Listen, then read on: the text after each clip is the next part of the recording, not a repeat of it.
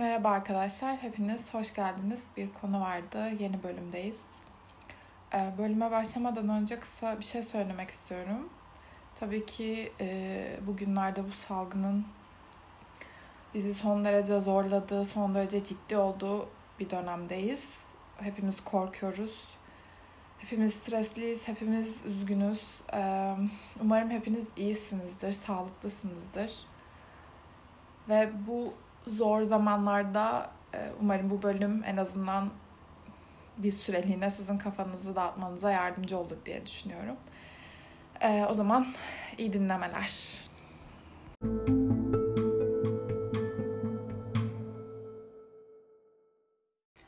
Elizabeth Short 29 Temmuz 1924'te Hyde Park, Boston, e, Massachusetts'ta doğdu. Doğumundan kısa bir süre sonra ailesiyle beraber Medford'a taşınırlar. Elizabeth'in babası Cleo Short, minyatür golf sahaları tasarlayıp inşa ediyordu. 1929'da büyük buhran zamanında Elizabeth'in babası karısını ve beş kızını terk etti. Ardından kendisini intihar etmiş gibi göstermek için arabasını nehrin kıyısına bıraktı ve gözden kayboldu. Phoebe, Elizabeth'in annesi, çocuklarını tek başına yetiştirmek zorunda kalmıştı. Ailesini desteklemek için birden fazla işte çalıştı. E, ailenin parasının çoğu kamu yardımından geliyordu. Bir gün Phoebe, Kaliforniya'ya taşınan Cleo'dan bir mektup aldı. Cleo mektupta özür diliyordu ve eve gelmek istediğini söylüyordu. Fakat Phoebe onu tekrar görmek istemediği için Cleo'yu reddetti. Elizabeth'e Betty, Bete veya Bet olarak da sesleniyordu çevresindekiler tarafından ona her zaman daha olgun gözüktüğü ve gerçekte olduğundan daha olgun davrandığı söyleniyordu. Elizabeth'in astım ve akciğer problemleri olmasına rağmen arkadaşları hala onu çok hayat dolu olarak görüyorlardı. İnsanlar onun için o her zaman arkadaş canlısıydı ve çok güzeldi. Çok fazla güzel kız var ama onda farklı bir şey vardı. Hani ona bakarsın ama konu konuşmaya geldiğinde dilin tutulur ya. Aynı öyleydi ve yürüyüşü sanki kafasının üstünde dolu bir bardak su olsa sudan bir damla bile yere düşmezdi. Betty tatlıydı ve komikti. Her zaman konuşurken seni rahat hissettirirdi. İnsanlar ona sokakta yürürken dönüp bakarlardı. Dottie, Betty ve ben film yıldızı olacaktık. Kafaya takmıştık. Saatlerce bunu konuşurduk. Hollywood'a gitmenin hayalini kurardık. Betty'nin evinin girişini sahne olarak kullanırdık ve her cuma Hollywood'un şarkı sözleri çıktığında tüm paramızı o sözleri alırdık ve saatlerce şarkı söylerdik. Elizabeth büyüdüğünde babası iş bulana kadar Kaliforniya'da onunla beraber kalmasını teklif etti. Elizabeth geçmişte restoranlarda ve tiyatrolarda çalışmıştı ama Kaliforniya'ya taşındığında bir yıldız olmak istediğini biliyordu. Sinemaya olan coşkusuyla hareket eden Elizabeth eşyalarını topladı ve 1943'ün başlarında Kaliforniya'ya taşındı. Babasıyla olan ilişkilerinin gerilmesi çok fazla zaman almadı. Babası onu tembelliği, kötü temizlik ve flört alışkanlıkları nedeniyle sürekli azarlardı. En sonunda Elizabeth'i 1943'ün ortalarına doğru evden kovdu. Elizabeth Camp Cook'taki Post Exchange'de kasiyer olarak çalışmaya başladı. Oradaki askerler onu hemen fark ettiler ve bir güzellik yarışmasında Camp Cutie of Camp Cook ünvanını kazandı. Elizabeth kalıcı bir ilişki istiyordu ve duygusal olarak savunmasız ve umutsuzdu. Söylentilere göre Elizabeth kolay bir kız değildi. Aksine çoğu zamanını evde geçiren ve çok fazla flört yapmayan biriydi. Flört yapmak ne demekse bilmiyorum. flört etmek, pardon. Daha fazla Camp Cook'ta kalmak istemeyen Elizabeth bir kız arkadaşının yanında yaşamak için Santa Barbara yakınlarına taşındı. Elizabeth'in o zamana dek herhangi bir sabıkası yoktu. 23 Eylül 1943'te arkadaşlarıyla beraber bir yerde oturuyorlardı ve reşit olmadığı için alkol kullanımından karakola götürüldü ve parmak izi alındı. Bu bilgiyi aklımıza tutalım. İleride size hatırlatacağım. Bir süre sonra Los Angeles'ta Elizabeth Ficklink isminde bir pilotla tanıştı ve ona aşık oldu. Tam da onun istediği gibi biriydi ve hemen evlilik planlarına başladılar. E, ama bu planları çok uzun sürmedi çünkü Fickling görev için süresiz Avrupa'ya gönderildi. Elizabeth birkaç modellik iş alıyordu ama hala istediği kariyeri elde edememişti. Tekrardan askerlerle flört etmeye başladı. Bu sefer başka birine aşık oldu. Yine bir pilot. Matt Gordon. Gordon Elizabeth'e söz vermişti. Görevinden döndükten sonra evleneceklerdi. Fakat Gordon görevde hayatını kaybetti ve bu Elizabeth'i çok üzmüştü. Elizabeth değişik bir dönemden geçiyordu. Hatta bir süreliğine insanlara zaten evli olduğunu ve çocuklarının doğumda öldüğünü söylüyordu. Elizabeth bir süre sonra daha iyi hissetmeye başlamıştı. Hollywood'daki bazı arkadaşlarıyla tekrar iletişim kurmaya başladı. Bu arkadaşlarından biri de eski nişanlısı Fickling'de. Elizabeth Fickling'i bir nevi yara bandı olarak gördü. Ve onunla tekrar iletişime geçti. İletişime geçti dediğimiz tabii burada mektupla konuşuyorlar. Arkadaşlar maalesef cep telefonu falan herhalde yokmuş o zamanlar. Yokmuş yani. E, Fickling'le buluştuktan sonra ona karşı tekrar bir şeyler hisseden Elizabeth onunla beraber Long Beach'e gitmeyi kabul etti. 8 Aralık 1946'da San Diego'ya otobüste gitmek için Los Angeles'tan ayrılan Elizabeth ayrılmadan önce son derece endişeliydi. O zamanlarda Mark Hansen denen biriyle kalıyordu. Hansen e, o günler için şöyle söylemiş. Elizabeth'in ağladığını ve son derece korkmuş olduğunu gördüm. Buradan gitmem gerekiyor diye ağlıyordu. Ve başka bir şeylerden daha korkuyordu galiba.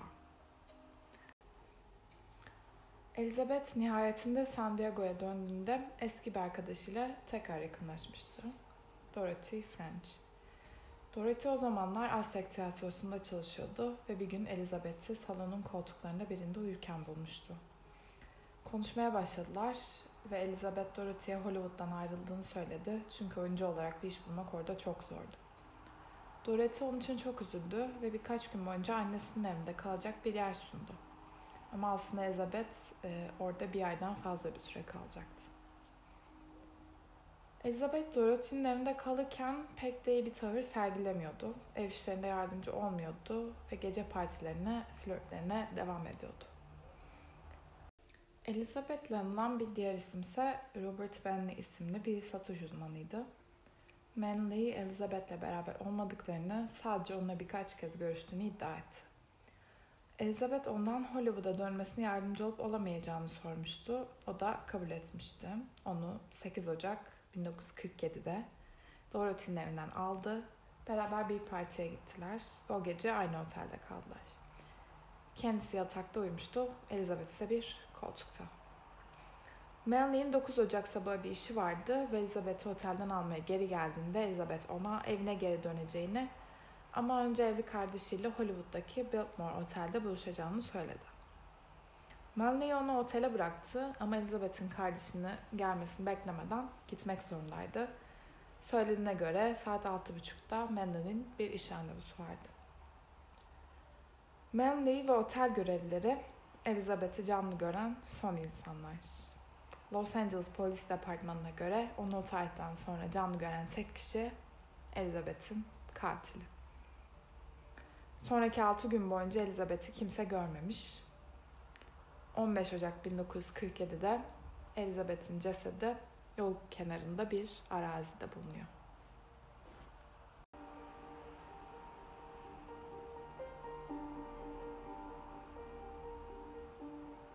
15 Ocak 1947. Los Angeles için soğuk ve kasvetli bir sabahtı.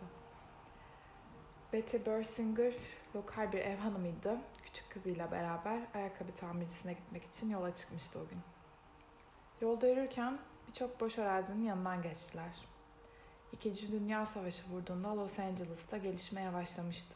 Henüz yeni yapılar yapılmamıştı ve etraf oldukça korkutucu gözüküyordu. Yol kenarında yürürlerken Betty çalıların içinde bir şey fark etti. Yaklaşmaya başladı ve bir vitrin mankenin yol kenarına atıldığını fark etti. Neden mankeni yol kenarına atmışlardı? Daha yakından bakmak için yaklaştı Betty ve mankenin aslında başka bir şey olduğunu fark etti. Bir kadın. Kadın çırılçıplaktı, vücudu ikiye bölünmüştü. Betty bir çığlık attı ve oradan uzaklaşıp polise haber verdi. Polisin söylediğine göre kadın oraya öylece atılmamıştı. Belli bir poz verdirilmişti cesede. Kolları omuzlarının üzerine kaldırılmıştı. Bacakları oldukça açık bir biçimde sırt üstü yatırılmıştı. Vücudunda kesikler ve sıyrıklar vardı. Ağzı kulaklarına dek kesilmişti. Vücudundaki organlar dışarıdaydı ama aslında vücudunun içine doğru zorla sokulmuşlardı. Müfettişler cesedin bileklerindeki ve boyundaki ip izleri nedeniyle birkaç gün boyunca bağlandığına ve işkence gördüğüne inanıyorlardı. Çıplak vücudu belinin hemen üzerinde temiz bir şekilde ikiye kesilmişti. Vücudunda ya da yattığı yerde hiç kan yoktu. Adeta kanı çekilmişti. Başka bir yerde öldürülmüş, kanı temizlenmiş ve sonrasında buraya getirilmiş olabilirdi. Cesedin otopsisi ancak 16 Ocak 1947'de Los Angeles ilçe başbakanı Frederick Nevbar tarafından yapılabildi. Nevbar'ın otopsi raporu cesedin 1.65 metre uzunluğunda, ağırlığı 52 kilogram, açık mavi gözleri, kahverengi saçları ve kötü çürük dişleri olduğu yazıyordu. Ayak bileklerinde, el bileklerinde ve boynunda bağ izleri, sağ göğsün, sağ göğsünde yüzeysel doku kaybıyla düzensiz yırtılma vardı.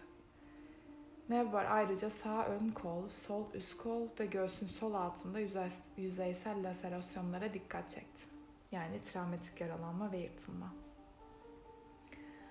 Ölüm nedeninin beyin kanaması olduğunu belirtmişlerdi. Tecavüze uğramış olabildiği şüphe, olabileceği şüphesi vardı fakat herhangi bir sperm kanıtı bulunamadı. Belki de ceset çok iyi temizlenmişti. O yüzden bulunamadı. Cesedin aynı zamanda kasığında birçok kesik vardı çapraz kesişen ve kasındaki tüyler muhtemelen elle kopartılmıştı. Cesedin teşhisi için çağın ilkel faks makinesi olan Sound Photo aracılığıyla parmak izlerinin kopyaları Washington DC'ye gönderildi.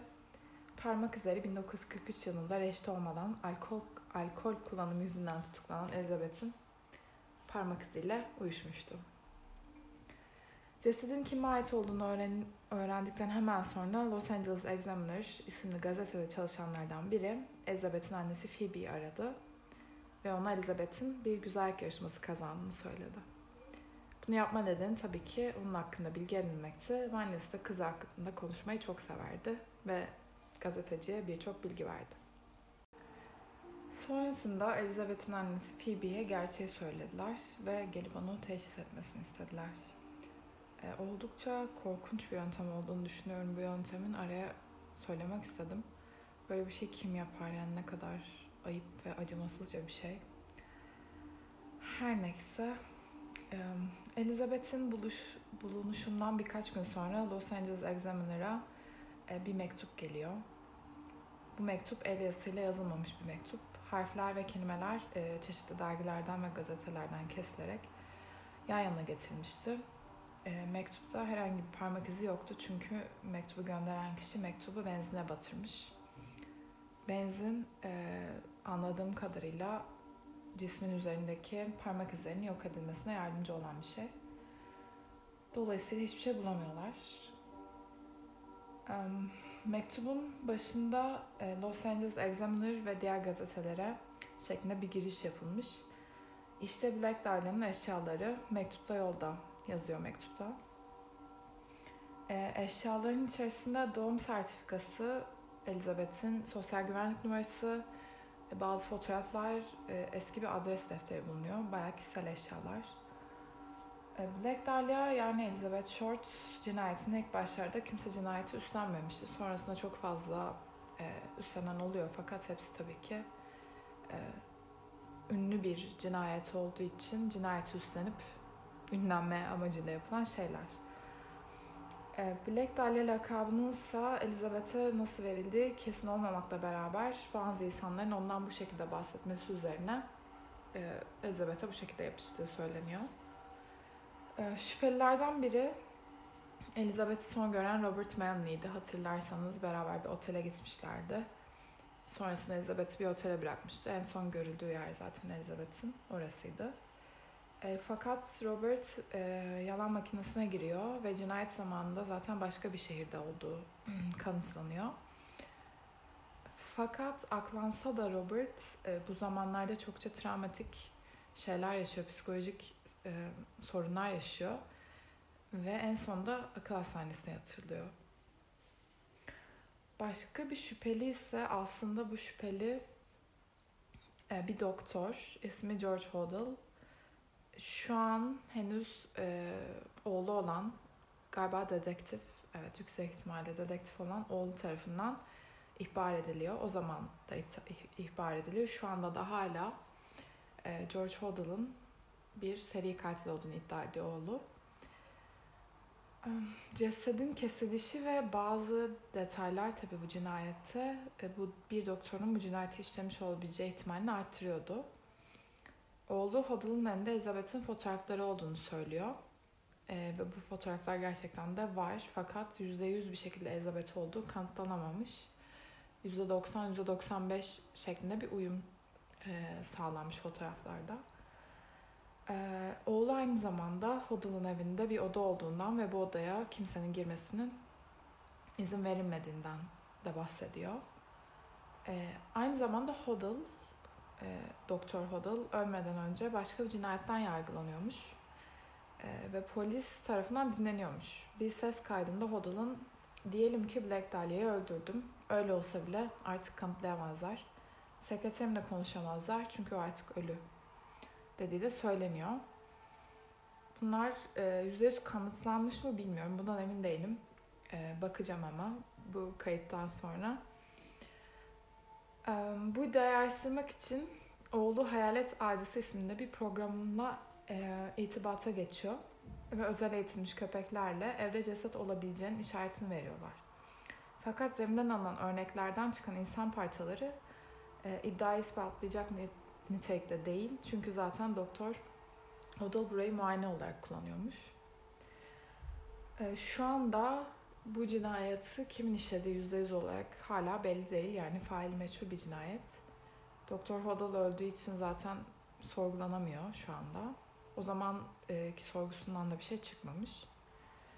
Yani şüpheli olarak kalmış. Kimse e, bir cinayette suçlanmamış bu cinayette. Çok fazla insan cinayeti itiraf etmiş fakat hiçbirisi gerçek değil. Dolayısıyla şu an cinayeti kimin işlediği yüzde yüz olarak belirli olmamakla beraber yüksek ihtimalle George Hoddle'ın Black Dahlia'nın katili olduğu ihtimalle ortada. Ben şahsen e, olabileceğini düşünüyorum fakat ama birbirlerini tanıyorlar mı, tanımıyorlar mı? Tanıyorlarsa nereden tanıyorlar? Gibi detayları şu an bilmiyorum. O kadar derinlemesine bir araştırma yapamadım. Galiba tanımıyorlar ama okuduğum şeylerden anladığım kadarıyla birbirlerini tanımıyorlar. Fakat zaten bu insan George Hoddle e, garip bir insanmış. Babasıyla olan ilişkisini de anlatırken oğlu kötü bir ilişkileri olduğundan bahsediyor. E, ve daha önce de söylediğim gibi bir seri katil olduğunu söylüyor oğlu. Yani babasının bir seri katil olduğunu iddia ediyorsa demek ki gerçekten garip bir insanmış diye düşünüyorum. Yine de şu anda faili meçhul olarak geçen bir cinayet. Bölümün sonuna da bu şekilde gelmiş oluyoruz arkadaşlar. Dinlediğiniz için çok teşekkür ederim. Ee, umarım az da olsa kafanız dağılmıştır, değişik bir şey öğrenmişizdir beraber. Ee, ben bu şekilde ki hikayeleri çok seviyorum. Seri katil, fail meçhul, cinayet vesaire. E, o yüzden benim hoşuma gitti açıkçası. E, eğer bu arada e, Elizabeth'in ve bahsettiğim diğer şeylerin fotoğraflarını, görsellerini görmek istiyorsanız Instagram'dan da takip edebilirsiniz. Yeni açtım Instagram'ı. Görselle desteklemek hikayeyi çok daha mantıklı olur diye düşündüm. Beni Instagram'dan takip edebilirsiniz. Bir konu vardı ismiyle. Aynı zamanda lütfen Spotify'dan da takip edip podcast'ı paylaşırsanız çok mutlu olurum. Ee, görüşmek üzere. Kendinize iyi bakın.